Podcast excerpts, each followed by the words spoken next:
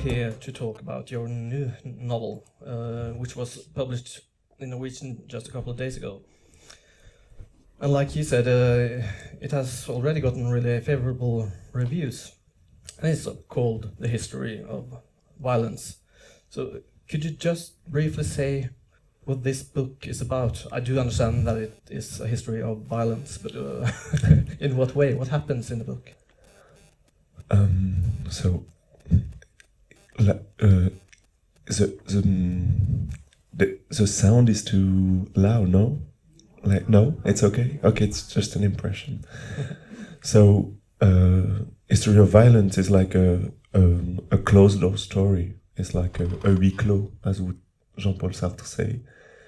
And it's the story of, uh, of one night uh, it was it was Christmas Eve. I just had a, a, dinner with my friends in Paris, and after the the dinner and the party uh, at of Christmas Eve, uh, I would go home. I was walking down the street. Uh, it was four or five of the night, and I met a guy in the street. He came to talk to me, and uh, he told me that he wanted to to come to my place. Uh, he started to talk to me, to try to seduce me. And it was extremely beautiful, uh, extremely attractive, uh, extremely warm like this. And so, of course, I told him yes. And we went to my little studio, to my the tiny room uh, at Republique, and something very strong happened between between him and me. Um, he told me a lot of things about him, about his life, about his past, about his father, who came from Algeria, who arrived in France, and who had to face racism, exclusion, poverty.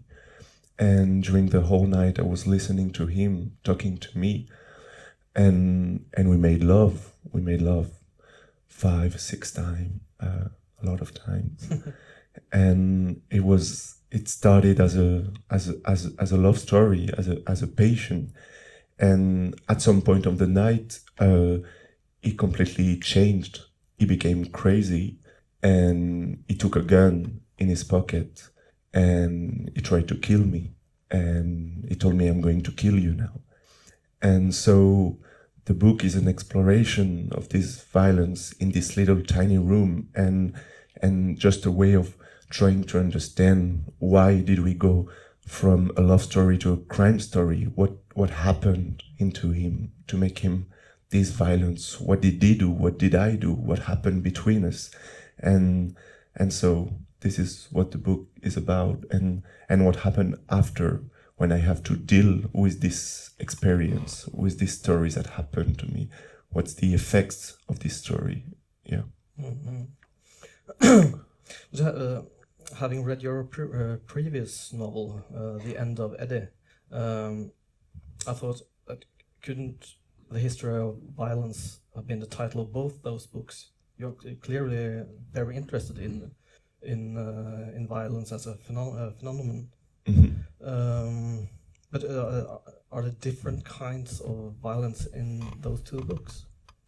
Yeah, I try to explore very different kind of of violence. There is the the specificity of, of history of violence of the of the construction of the book is that um, at the beginning of history of violence uh, I go back to the uh, house of my sister of my big sister. Uh, I talk about her in Eddy Bellegueule. And so I didn't see her for a long time. I didn't talk to her since a very long time. And after what happened with this guy during this night I decide to return to my sister to see her again after five years of silence. And I go to her place and I tell her everything. And at some point, I go to the bedroom to sleep. And she's in the kitchen next to the bedroom and she's telling the story of that night to her husband. So the book is built as an autobiography told by someone else. It's the voice of my sister who is telling something that happened to me. And I'm here hidden in the bedroom and I can hear my own story told by someone else recounted by someone else. And so there is a difference uh, uh, regarding the topic of violence between Eddy Bellegueule and History of Violence because in Eddy Bellegueule, at, at that time when Eddy Bellegueule came out, I said that it was a book uh, of the about the violence of language and how the language is violent because it defines us. Uh, he says, uh, uh, "You're a faggot. You're an Arab. You're a Jew. You're black. You're just a woman. You're just this. You're just a poor. You just." And how this this violent this this language stuck us in in an identity Mhm. that we didn't choose, that we didn't want. We don't know why. It just happened like this on us. And in history of violence, it's quite the opposite that is happening because I'm here, hidden in this bedroom. I'm listening to what my sister tells about my own story. And there is always a gap between her language, between what she says and what actually happened that night. So the violence of the language is not that it's defining us, but because the violence of the language is the contrary, is always failing in, in defining us. And we suffer because of this gap, because, because of this distance between what the language tells about us and what we actually are.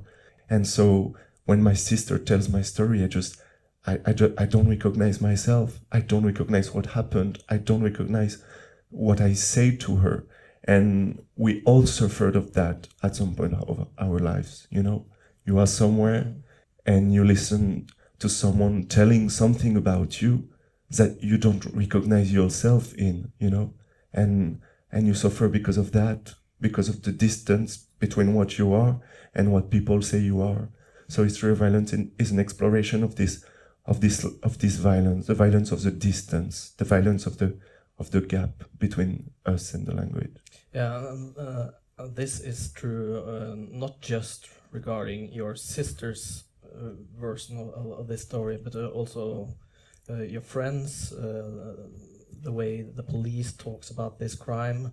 Can, can you say a bit more um, uh, about what, happens in the book Mhm. when uh, Edouard goes to to the pol- police to report Mhm. the attack?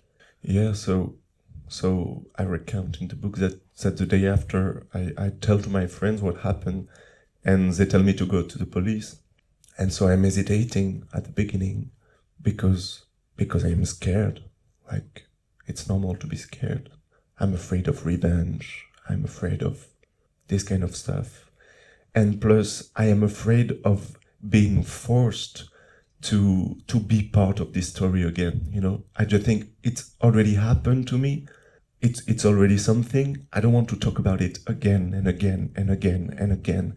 And to make this story like a center of my life i don't want i don't want to face it again and again. I just want to i just want to to forget. I want the right to forget this story.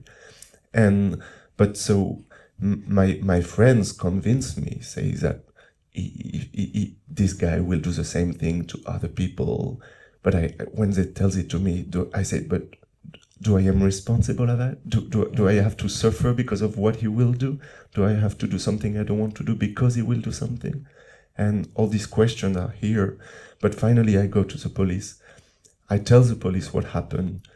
And I understand that immediately the, the police stole my story they they took my story from me in order to transform it to do something else with it and the the police starts to send me oh because he is an arab. That's it. Ah, ah yes you know here arabs. We hear about them a lot. And suddenly i say wow but what happens to me? You know? And i no i said no it's not my story. I'm not telling a story of an arab uh, trying to kill a blonde hair, blue eyes boy. It's not the, it's not what I'm saying. I'm saying the contrary. And, and, and so the police wrote what I tell, what I told them and they printed what I told them. And I, when I read it, I didn't recognize my story. And so that's why I had this, this uh, urge to write history of violence. It was kind of a, a kind of a revenge to write my own story, to write my own version because it's one of the it's one of the conditions of our lives how our stories are stolen by by others, by institutions, by state. But, by, but when you, uh, when you uh, take that story back uh, by way of writing about it, uh, you also uh, tells uh, the story of of uh, Reda, the, the the attacker, uh, and you you tell you tell about your sister. Um, is is that a kind of uh, exercising of, of, of power on your part? Is is that ki- a kind of violence in language too? Of course, of course it is, because I am I am saying history is history. I'm I am talking about his life exactly like my sister is talking about my life, Yeah.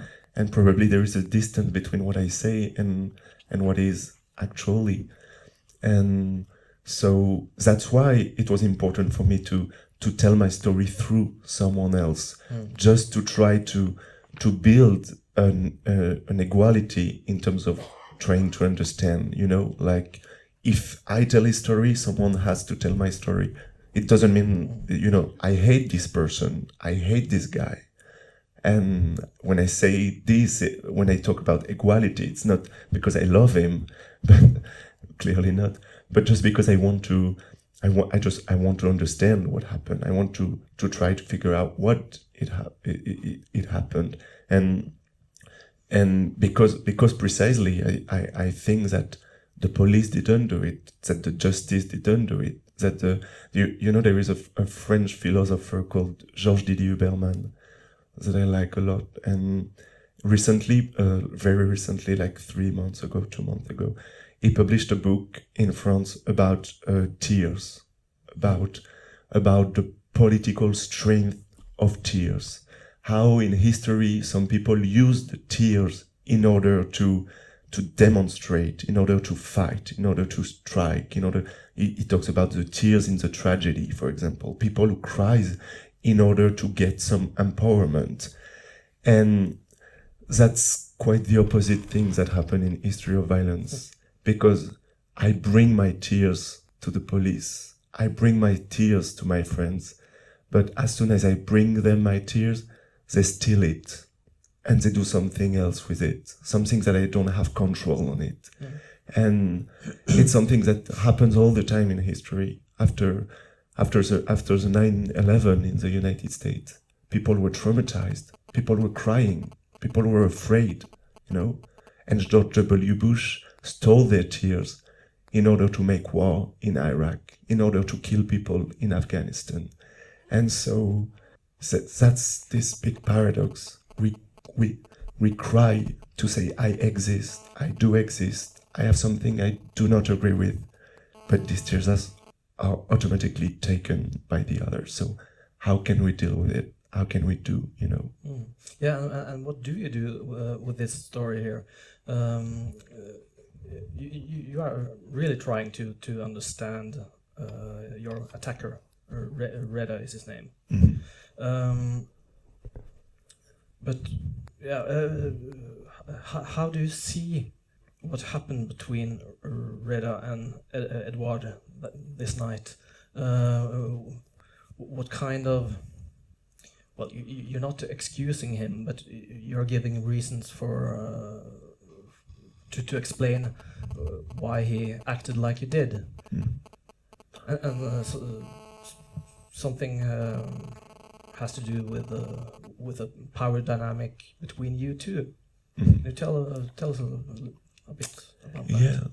No, but yeah, like about this question of uh, it's really important what you say at the beginning about this question of understanding and trying to understand and to one of the topic of the book is is is is this question is uh, why don't we have uh, more place in our own story in our own life and and the the the legal process that I face in the book is like a, a metaphor of this. It's like a labo- laboratory to to explore this big issue of our lives. Mm. And because when I go to the police, I they, they, they don't they, they, they don't they don't want to listen to what I say.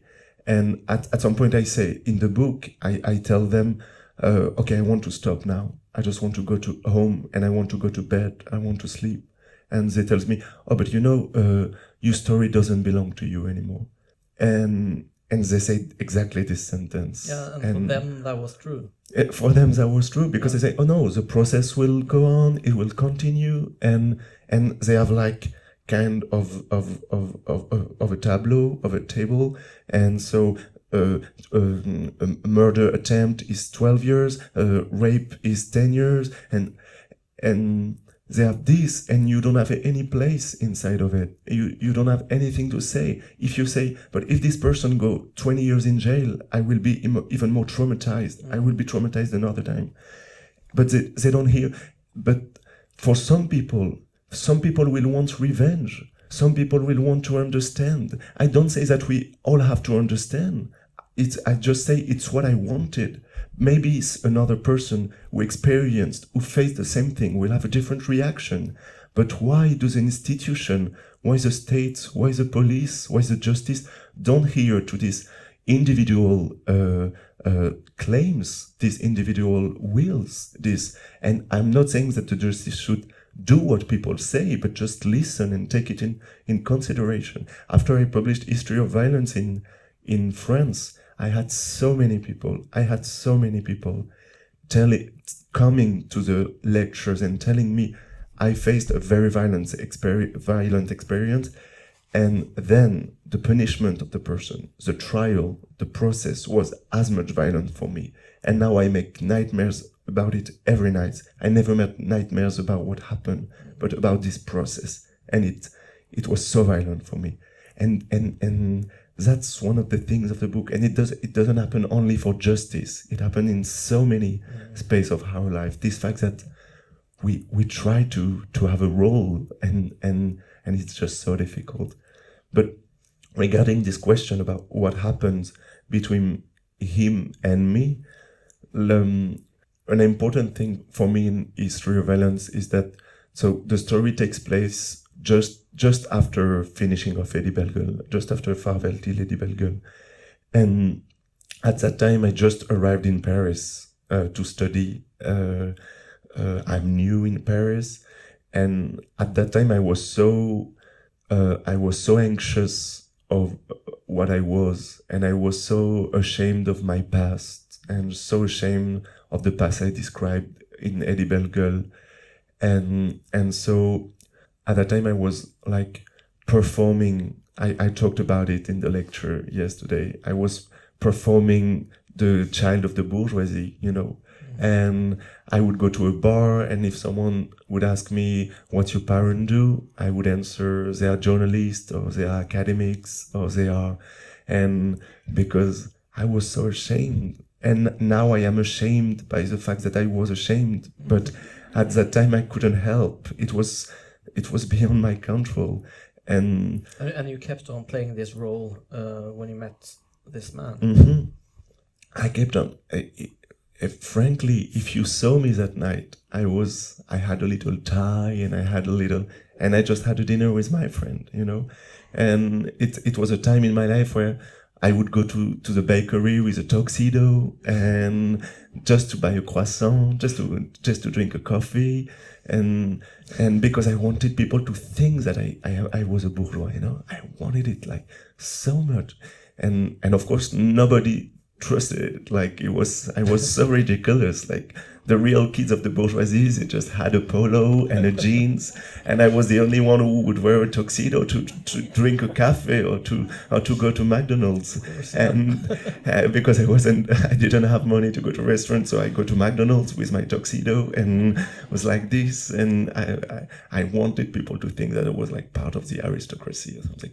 And and so I was in this uh, yesterday I called it social madness, like sociological madness that lasted like one year in my life. But it's exactly the moment where I met this guy, and obviously, it was it was something that was that that created a, a violent situation between between us. You know, for, from me towards him because he came from this poor milieu, from this, and to see someone who was wearing the attributes of the bourgeoisie, who was wearing the clothes of the bourgeoisie, was obviously something that created violence on him. And I know it precisely because I came from the same kind of milieu. Uh, on the same time, uh, uh, he must have liked you.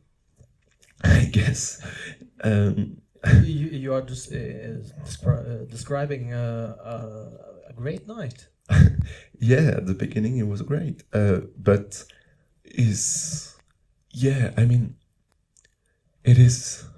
I don't know this process of violence. That's why I I, I, I try to explore it in the book. Mhm. It's just so difficult because uh, when I wrote the book, I was I was very thinking about the the about Fargo, uh, the movie of the Coen brothers that was uh, adapted into a series uh, recently. It was a very good series. If you didn't see it, you have to. If you didn't watch it, and and in this movie there is this this man who kill more or less accidentally his wife, more or less because he wanted to kill her before and everything. But so they kill her. It's by accident, and and after so he's in this violent situation where he just murdered someone and after he tried he, he tried to he tries to escape this violence he tried to escape this situation.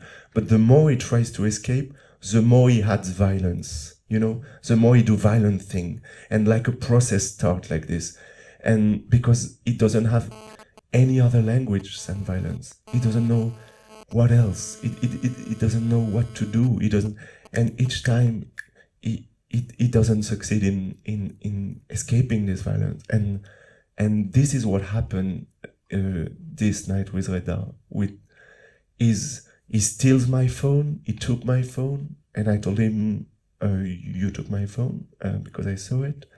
And he started to say, "Oh, do you insult me? You say I'm a thief?" And, no, but you just have my phone in your pocket. And and then the more he tries to deal with this situation, the more he's he's violent, the more he's and and and and me on my side, I for me it's just so difficult to escape this violence. I stay in the situation. I describe in the book how I I ask him to to give me my phone back because on my phone I have my pictures uh, in holidays with my with my friends, and i i start to become crazy with it. I just make a fixation on this and I say, I need my pictures. I need my photo. G- give me my phone. Give me my phone. And, and this is one of the thing like in our lives as well. Why is it so difficult to escape a situation? Why do we always try, like most of time, we try to fix a situation inside of the situation. And it's, it's so difficult to, to escape the situation. We try to fix it inside, and I talk about for. um, sorry, I yeah, it, it kind of reflects. Uh, I mean, the dynamic, dynamic, dynamics. I'm not able to say that word. Uh, uh, between you, uh, Edward and uh, Reda, it reflects uh, the the power relations in uh, in the village that you are describing in your pr- previous book. Mhm. I think, uh, but there are always uh, this uh, this fight to be on top, Mhm. to, to be the the leader of the pack. Mhm. Yeah, there is this. You know, of course, when I when I started to write the book, uh, and after talking with the police, after seeing the police, I was kind of uh, afraid of writing the book because I was thinking, but what if the readers make the same thing that the police and say, "Oh, this book is a proof that uh, Arabs comes in France to kill French people," and so I was so afraid, and I, I was I was thinking about it, and I was thinking, okay, maybe I will I will lie, and I will in the book I will say it was a, a tall blonde haired Norwegian guy, and then it will be better, and Yeah, and, and why, why didn't you do that? Because uh, you, you have done uh, this twice now, uh, written about uh, people who exercise uh, violence, and the perpetrators are from marginalized groups. Mhm. Uh, the, in the first book, it was uh, uh, the white lower cla- classes. Uh, now it is the immigrants. Um, and and this could could be read, and it has been read, in, not uh, not least in Norway, as a kind of demonization of these groups. No, because uh, so I didn't say what a Norwegian because I didn't want to make upset the Norwegians because I love them. no, I'm kidding. No, but I, I just thought it was more interesting to di- directly face the reality, face what just happened, and try to to build it in in in a certain way that would make this kind of interpretation impossible. And like Toni Morrison, she writes book, she writes novels about black women who kill their children, and nobody says, "Oh, it's a racist and misogynistic book," you know, because this black woman is killing someone. And so, in History of Violence, I try to found to find a, a, a literary construction that would allow me to to make this racism impossible. So when my sister is talking about Reda, and when Reda is stealing something, she talks about the village where he grew up. She she talks about the village I described uh, in Eddy Bellegueule, but from a different point of view. And she say, but Edouard was stealing as well when he was a kid. I would go to my friends in some house of some other friends, and we would steal the PlayStation, we would steal the Game Boy, we would steal the things. And and when she say uh, uh, um, uh, Reda aggress Edouard, she talks about my cousin who died in jail. I talk about it in Eddy as well. My cousin was 30 years old and died in jail, and and So, so she's pointing out that that uh, Edward and uh, Reda share uh, share backgrounds. they share back one they share backgrounds and two uh, uh, the the the race uh, is not the category to analyze it because if what Reda does the same thing happened in the very white northern village of France. Yeah, so what is the category uh, category that is re- relevant here? it's the it's the perpetuation of violence is how people who endured violence who experienced violence reproduce at a certain point violence. And and that's why that's why when i talk about this violence i talk about dominated people i talk about uh, poor people of my childhood i talk about this son of migrant on one hand because I tried to write on the bourgeoisie and I get so bored every time. I don't know. Uh, and and on and on the other end, and I think it's more important. Uh, I just try to uh, to rethink the approach on on violence and to try to analyze how like the violence can be so powerful that it forces even the people who are suffering from this violence to reproduce this violence you know? Yeah. it's passed through the dominated people. The domination passed through the dominated people. So there is no an opposition between dominant who applies domination and dominated who's, who suffer from this do- domination. There is like a there is a fluid there is something that is passing through the bodies Yeah, I, I think about uh, uh, a little scene uh, in uh, the end of Eddy. I think several critics have pointed uh, this out. It's a touching scene where where Eddy, uh, who has been bullied and beaten because uh, he's um uh, gay and is acting uh, feminine, but he, he he gets to uh, to bully another boy. He he finds a, a weaker, more effeminate looking boy, and, and he calls him a fucking faggot. Mhm. And- yeah This is his chance to to not be the the weakest one. exactly to not be the weakest one to not be the yeah And one critic said that this was showing that uh, violence was a transferring of of shame, Mhm. passing shame from yourself to the to the weaker one. Do, Mm. do you see see it that way? Yeah, exactly. We don't want to be the weakest one. We we don't want we don't want to be ashamed. We want it's terrible to be ashamed. We don't want to even when we are ashamed, we don't say it. Like uh yeah, like for example in in Eddy I talk about this fact that my my mother would when I was a kid or my sister in history of violence the woman that I, I, I lived with in my childhood, they would always say, uh, I am proud of what I am. and I am proud of what I did. And my mother always said, I'm proud that I made five beautiful kids, and I am proud of the lives that I have. And of course, she was proud, but partly in in some way, she said, I am I am proud because she knew that she was facing shame because you you're only proud because you have to face shame. Gay people, when I go to the gay pride in Paris, I say I am proud of being gay because for years, for centuries, for generation, I know that gay people had to be ashamed. And that's why there is, that's why gay pride is important. That's why it's meaningful. That's why the, uh, a straight pride is impossible.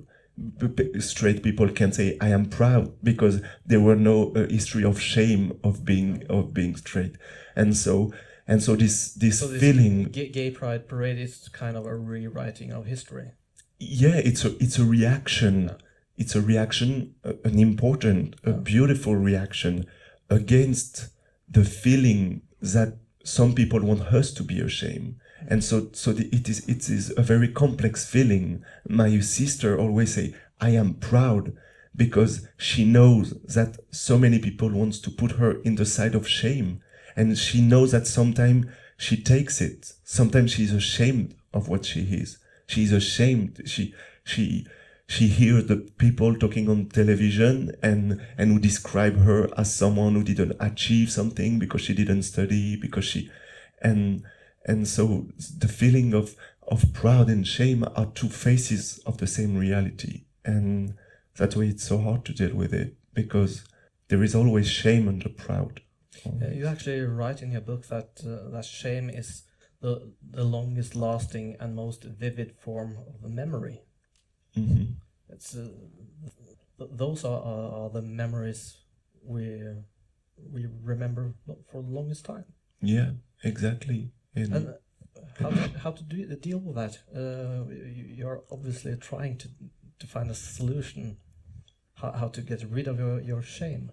Yeah, because we we we can uh, like it's not a, a, a new issue like uh, Jean Genet for example was using uh, pride again against shame but because precisely there were shame and so he, he he made the shame an instrument for revolution uh, and, and, and he turned it into, into into pride and so this this shame which is so present in our lives. And as I say in History of Violence, it's the most vivid form of, of memoir. We, we always remember so well the moment of shame of our childhood, of our lives. But we can do, we can, yeah, we can transform it in, in, into pride, which is difficult at the same time because you can say, I am pride, uh, proud of being gay. And it can be an instrument of transformation. But for example, when you talk about social class, if you if you talk about the working class, if they say uh, we are proud of what we are, it can be beautiful, but it can be a problem as well because it's it can be a way of of not changing the situation, you mm-hmm. know, of of staying where they are. That's why some some people who who are part of the bourgeoisie and who are so crazy about, who loves the, the proud of the working, the pride of the working class. For me, it's always a, it's always a problem because it's a way of saying, okay, your life is good. You can be proud. And when I see the physical pain of the people of my childhood, when I see how tired they were when they would work at the factory, sometimes I don't, I don't want them to be, I don't want them to be proud. I want them to be hungry mm. of what they are. And, and Karl Marx would say that the the shame was the gesture of the lion before the lion before the lion jumped you know and and so the, this shame as such even without being transformed into pride can be a, a powerful instrument shame can be more uh, ma- make you more free than than than pride in fact to be ashamed can be better sometimes than to be proud because it it makes you thinking I, I don't want it. I, I don't want it. It makes me feel bad. And yeah, mm. it's. Uh, uh, just a, a, couple of days ago, I read a book uh, by a colleague, uh, Annie Ernaux, mm-hmm. Uh, called Shame.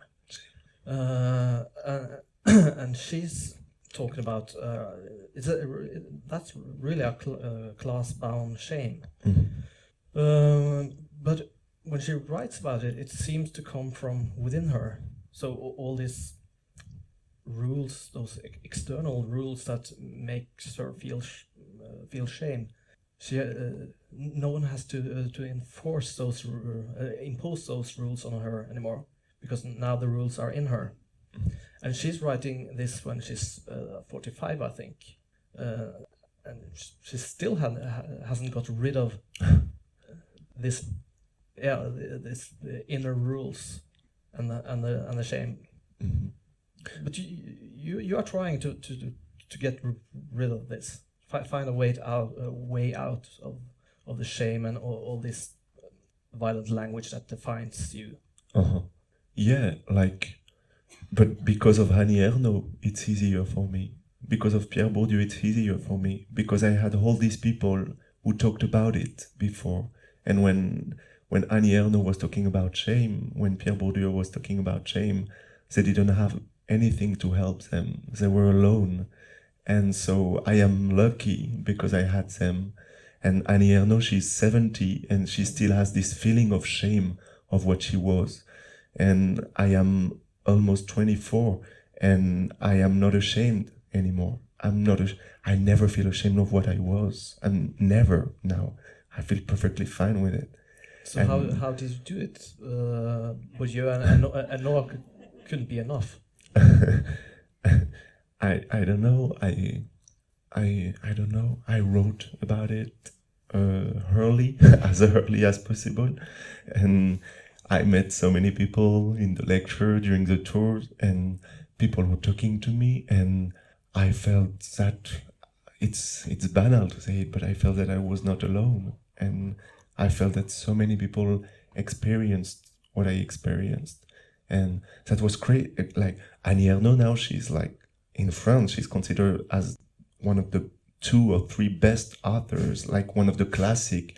She's uh, she's at univer- in the program at university, in high school, like everywhere. She sells thousand and thousand of copies each time she publishes a book. Everybody everybody says she's a classic, and and and recently she gave an interview and she said uh, I uh, I know that I'm not legitimate uh, and people don't think I am a, a legitimate author and I think but no and she still thinks that Oh. and she can't She- get rid of think- it Thinks that she's an uh, outsider.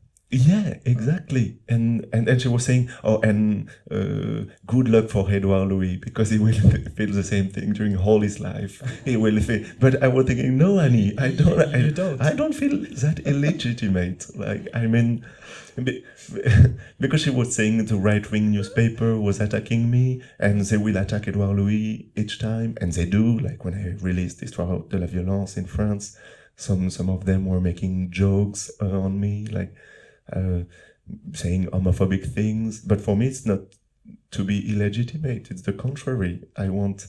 I want bad people to hate me. I want.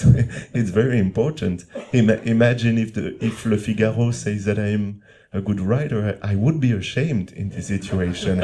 I would feel so bad. I would feel so so bad. And so to have some people hating you, it's a way of being legitimate. It's normal to have. Yeah, I want them to insult me. I was praying when I published Histo- History of Violence to say, I hope they will attack me. And they did. yeah.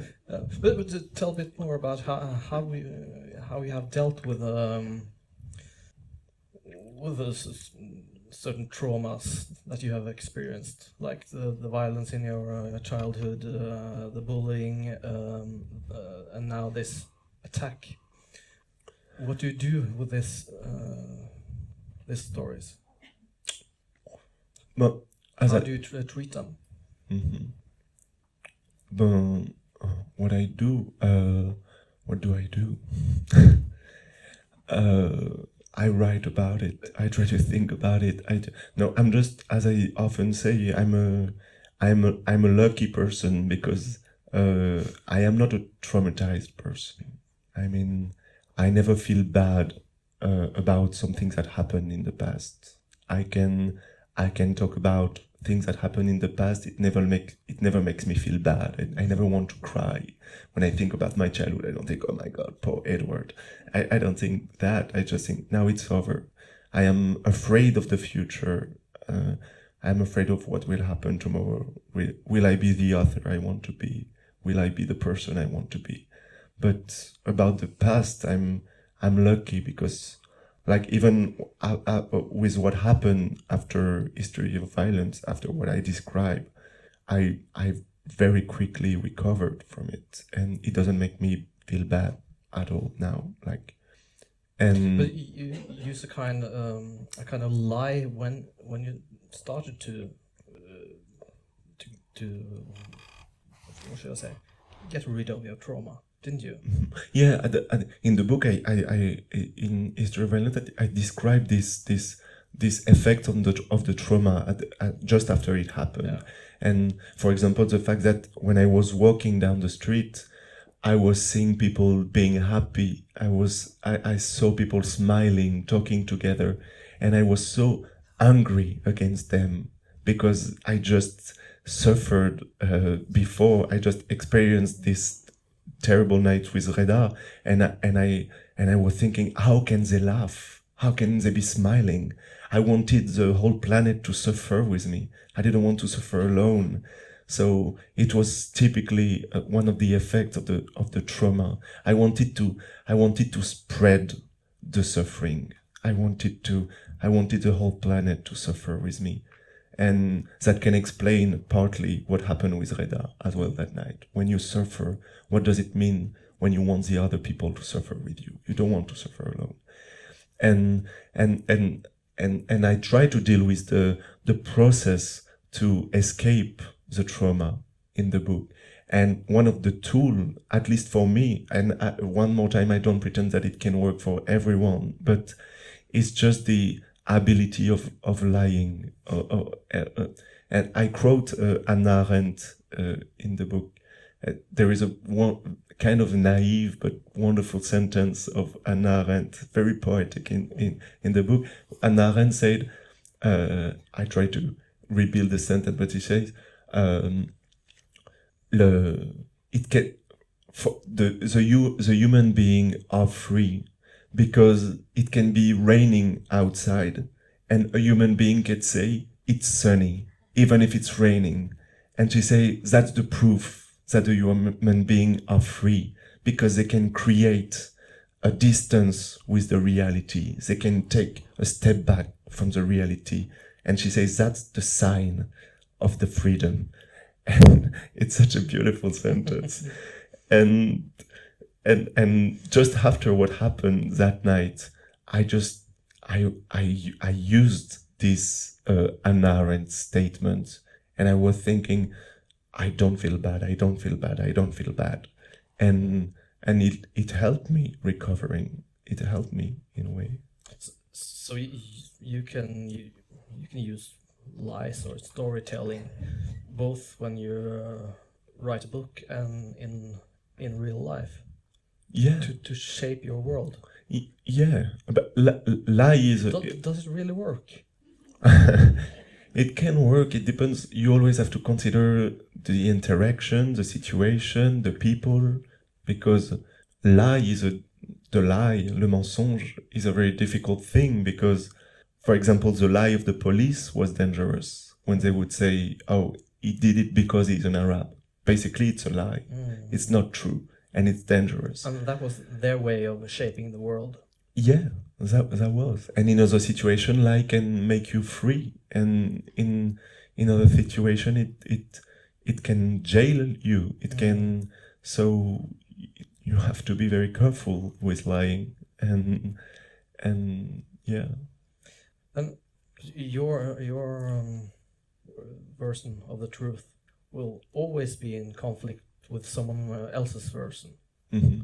So, uh, are we able to uh, to get away from the the violence in the language? We can do our best. Uh, because if you if you say it's raining and I am saying no, it's sunny, uh, we have a problem. Mm-hmm. Yeah, in Stavanger. If you just say it's sunny, people won't believe you. It, the lie won't We, work. we could stay indoors, of course. but uh, no, but but in in at the same time, this this process between between what is not true and what what we say about it is is is is an important thing. Like because I wanted to reach the truth in history of violence, I wanted to reach the truth of of that night. When my sister is talking in the book, sometimes she say some things that I don't consider uh, real, that I don't consider true, that I don't perceive as true, and and still sometimes she's telling uh, more true things that I say.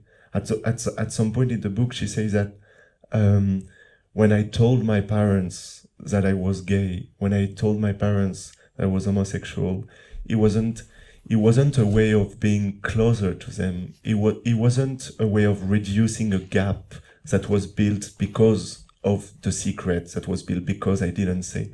But she she says uh, Edward told us that he was gay because he wanted us to reject him and because he would have been able to say, you know, they reject me.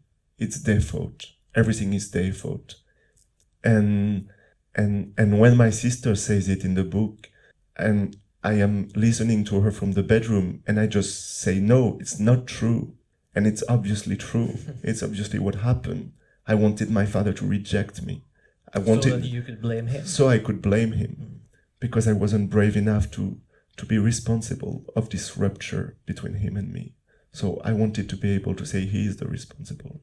And and so so this is part of the truth. Is this truth that my sister says and that I don't want to hear, that I don't want to know. This is part of the truth, is all this truth in our lives that we know but that we don't want to know and that we fight against. That the that's the philosophy of of Pascal, of the French philosopher. The base of his philosophy is to say we all know the truth about what we are. We all know the truth about our lives. But the story of our lives is a struggle against the truth that we know. So we keep inventing in our life strategy to avoid this truth that we know. And and so things that are not true are part of the truth. And the literary construction of, of history of was a way for me to tell it as well.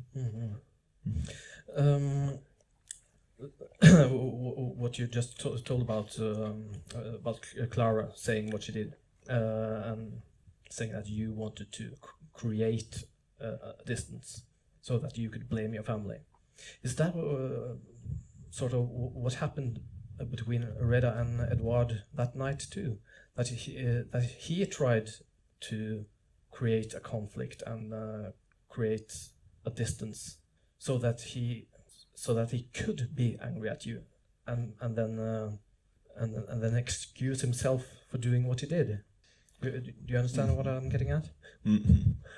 At least the the similarity between uh, me and my sister and me and, and Reda is this uh, big uh, difficulty to communicate. This like succession of monologues. My sister talk a monologue and I talk a monologue in the bedroom where I'm he- I'm listening to her, but our our speeches, our our words, our sentences never meet each other, and that's what happened with Reda that night. He was screaming, he was screaming in front of me, and I was talking, uh, begging, asking things, and our sentence never met each other. You Just shouting, no, not responding. Not responding. There is, there is a, a, a play from, from Jean-Luc Lagarce, uh, a French playwright who died from uh, HIV in the in the 90s. It's not my phone, no. Um, is he, he, he died from HIV and he, he wrote he wrote a, a wonderful play uh, called uh, Just the End of the World that uh, Xavier Dolan just adapted and that will be released very soon and and I read this book when I was 17 and it was one of the most important book of my life. It was one of the first books that I read actually. And the protagonist the name of the protagonist is Louis and that's why my family name is Louis partly. And and and the book is about this guy who escaped his family. in a very small town in Provence in France and went to Paris to become a writer, to become, to live his gay life. And one day he gets uh, HIV and he's going to die. And he goes back to his family to tell them that he will die after years and years without talking to his family. So it starts the same way. Uh, Surveillance was a tribute to this book. He comes back. That's where the, the play starts. And he comes back to tell them that he is going to die and and in the play the play is just a succession of monologues he don't succeed in talking with his parents because they don't talk the same language they don't perceive the words the same way they don't succeed. So the only time they the, a dialogue happen is when they are fighting. It's the only moment where they actually mm-hmm. more or less talk together. And and at the end of the book louis disappeared without having told his parents. He came back especially for that to say I'm going to die, and he don't it doesn't say it doesn't succeed in, in talking, and I had I had this feeling so much when I would go back to my family, uh, when I would see my father, when I would see my sister. I was talking and she was talking, and we never understood each other. It was so difficult. My my mom would me would tell me, but how, uh, look how you are dressed. You, you, you, look at your clothes. You look like a minister. And do and I would say, but I just have sneakers and, and a pair of jeans and and but for because for that for her I had clothes of the bourgeoisie and she she perceived it as something violent and and she was saying why do you dress like this? Why do you talk like this? Why do you talk like like a bourgeois? You want to humiliate us? You want to show us that you are uh, better than us? And even in talking normally and and and and the, and the same thing happened on the other side she was saying things uh, oh you know women now look at what they do they are all sluts. And i said but mom you're a woman. Why are you saying that? She said no no no except for me. And and and, so like we, we talk these so different languages. There were there was an objective violence, an objective distance between her and, and me, even if we wanted to talk, even even if we tried, we we just made these two monologues because and we did our best, but it was so difficult. And each revenant is like this with Clara, she's talking and I am talking, but we never try we never succeed in in putting our words together because there is this door in the book it's a door, but, but it's a metaphor. by using uh, Clara's uh, monologues in the book here, do you think that you have made the gap between those two languages a bit smaller? For you, at least. a bit smaller, yeah, because because the book is the is a, is a kind of dialogue between these two languages. Yeah. I try to build a, a, a, dialogue that didn't take place. I try to. Is di uh, dialogues between languages, not between people. Yeah, between languages at least, because mm. between people I failed. Mm. So I try to do, to do it in a book through the language. And you have to do this in in writing. Uh, uh you're you're saying towards the end of the book that uh, when I write, I tell everything. When I speak, I am afraid. it's true. I am afraid when I uh, talk. Sp speaking doesn't I, work yeah, I was always like, I feel so much more comfortable when I write. And yeah, always, all the time. For big news of my life, I always use text. I, for when I want to, to, to, to stop a relation with a boy, when I want to break, I always send a text message. And I never say it face to face uh, because it's I, I know that I'm not going to tell the truth, so I prefer to text. I will be more I will be more true. If I'm in front of the guy, he will tell me, "Why are you leaving me?" And I will say, "No, no, no, sorry, I don't leave you." And I know that I'm I'm going to lie, so I prefer to send a text message. I think it's so much more authentic and so much more real. And I hope you don't tell him everything in uh, when you write. no, I, I try to make small text message. I, tr I try to make not too big books, and it's the same thing with text message because I know people have a lot of things to do. And no, it's true. Marguerite Duras would always say that in the 90s when she was seeing these people writing these enormous books. She was saying, "But wait, we are not in the 50s anymore. People now they have cinema, they have television, they have." They have a lot of things to do. They they don't want to read enormous books like this. So she wrote The Lover. It was 140 uh, pages, and it's one of the biggest masterpieces ever written. And so I try to think about Marguerite Duras when I write. I say, okay, uh, people they will read my book, but then they they have they go to cinema, they go to see Xavier Dolan or Pedro Almodovar or Claire Denis, or I don't know. And so yeah, text messages same. I think that's um, uh, a good place to to pass on the word here. Maybe someone um, has a question. I can't really see anyone. There's- yeah. Hello. Hello. Uh, are you in the process of writing another book? Have you started uh, new writing? Uh, yes, yes, I'm I'm writing on the on my third book. yes. I- Is this gonna be a book about truth? uh, I, I precisely I, I try to I try to find a literary form that would allow me uh, not to choose between truth and, and fiction and not not in in in in in creating a trouble between truth and fiction like the autofiction did in France for example. They would take a, a personal experience and add some fiction in this. It's not what I want to do. I want to keep the border between truth and fiction, but to make them work together. And for I, I started to do it a little bit on, in History of Violence, where I talk about uh, Reda, for example, and I don't know a lot about his childhood because even if we speak, we spoke a lot, uh, it didn't tell me everything. So at some point of the book, I am talking about the childhood of one of my cousin because I think they had similar childhood.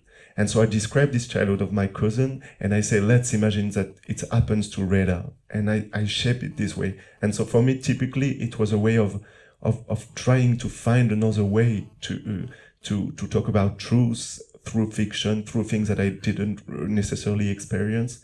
And in the third book, that's why I, that's what I try to do, to try to find, like, maybe to, to write a book that it's less autobiographical than, than Eddy Bellegueule and than History of Violence, but a book that is not fiction as well, because I I think there are so many truths that are urgent.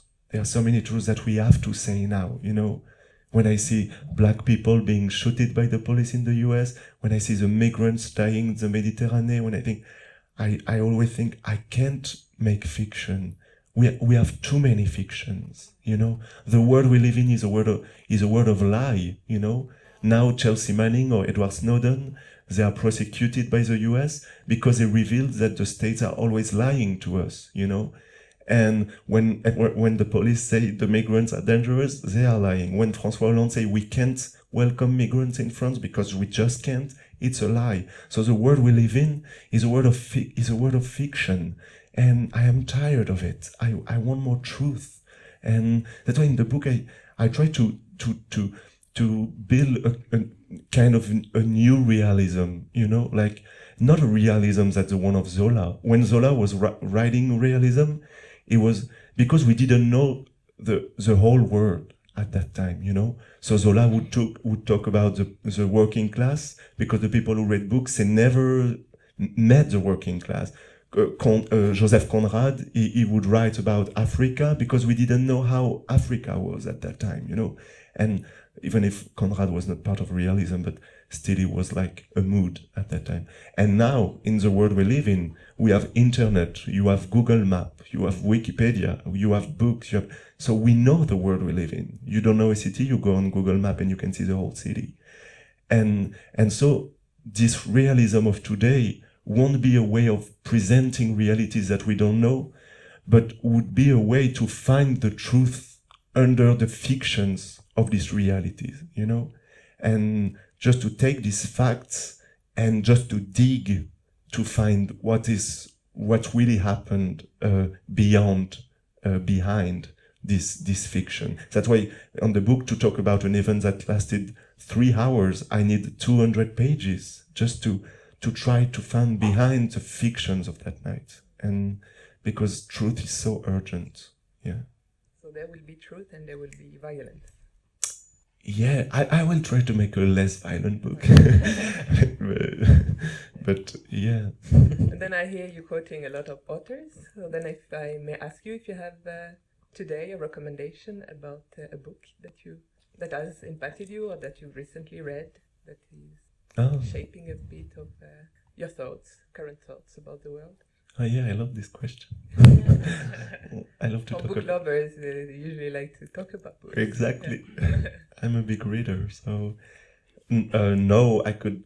Uh, a lot of them. Um, if I choose, if I pick two, I would say the uh, Kaddish of uh, Imre Kertész. The Kaddish for unborn child. The name of the complete name of the book is Kaddish for unborn child, and he's talking about the fact that he he never had a kid, he never had a child, and he challenged his life through this absence. He tried to reconsider his life through these kids that never existed, and it's it's just one of the most powerful. Even in the form, it's a I never saw such a book, and the other th- books that I would recommend is uh, whole of the book of Toni Morrison. Uh, uh, I, I will give a lecture about her uh, next week in Oslo at the Literature House, but the text will be published in Morgenbladet, so after I think, and but uh, because she's so powerful, and recently she she published a book called uh, God Helps a Child, and it's about a black woman. She gave birth. She had a, a daughter, and and the mother she's she's black, but she's black with like kind of light skin, almost white. She's very clear. She has a very clear skin, and she gives birth to her daughter, and her daughter is so black. She's a midnight black, Sudanese black, and she's ashamed of her daughter. And during all the childhood of the daughter, she will make her pay of what she is, of the color of her skin, because people who are more black are more excluded uh, than people who are less black by the white people in the US and by the black people as well. And so she's just so ashamed of her, of the of the kid she gave birth to, and and it it was just published and it is an absolute masterpiece. Thank you. You're welcome.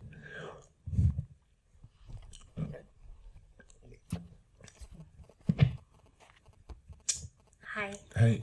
I'm very thankful because I read about you in the newspaper in Norwegian, and you spoke about how being the dominant is the person responsible. And so I thought about this a lot myself, and I felt alone a lot because I don't see a lot of talk like that or read it anywhere. So I was really thankful Thanks. you spoke about that. Thank you. that's that's very sweet. No, it's yeah, it's important today to to rethink this relation between dominant and dominated, and to see that it's so much more complex. I finish with it because I think then people have other things to do, and there the festival still goes on. But for example, in regarding Toni Morrison, in her novel Beloved, um, there is a story of Sethe, and Sethe is a woman. She's a slave. She's pregnant, and she works in the field. And one day, Sethe uh, she decides to escape, so she does. She escapes, and she runs, and she runs through the forest, through the rivers, and she goes very far, and she succeeds. But a few months after, the masters they find her. They arrive in the house where she was uh, hidden, and Sethe gave birth in the meantime, and she has a baby. And when the master arrives, she cut the throat of her daughter. She kills her daughter because she's so afraid that her daughter will become a slave. And typically, in this kind of situation, who is the responsible for the violence? She killed her children, but maybe the, the responsible of the violence is the is the slavery, is the masters, because the masters they put her in this situation, and so they put where, where she didn't have any choice. She was so scared. She was she did that. So even if she's a dominated person who is uh, making the violence, who is cutting the throat of someone, the, the responsibility comes from the dominant and not from the dominated.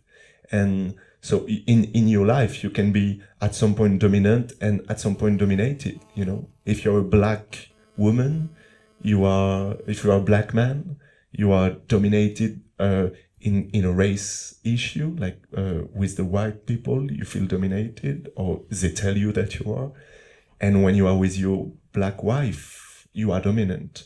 And so we have to take all situation, but in all this situation, I think that the dominant person is always responsible because the, the dominant person can always bring something else to change the situation. And that's why I, even if I'm talking about uh, Reda, even if I'm talking about my dad, uh, who comes from the working class, when I wrote a, a word about these people, uh, I always blame the dominant. Always. Yeah. Thank you.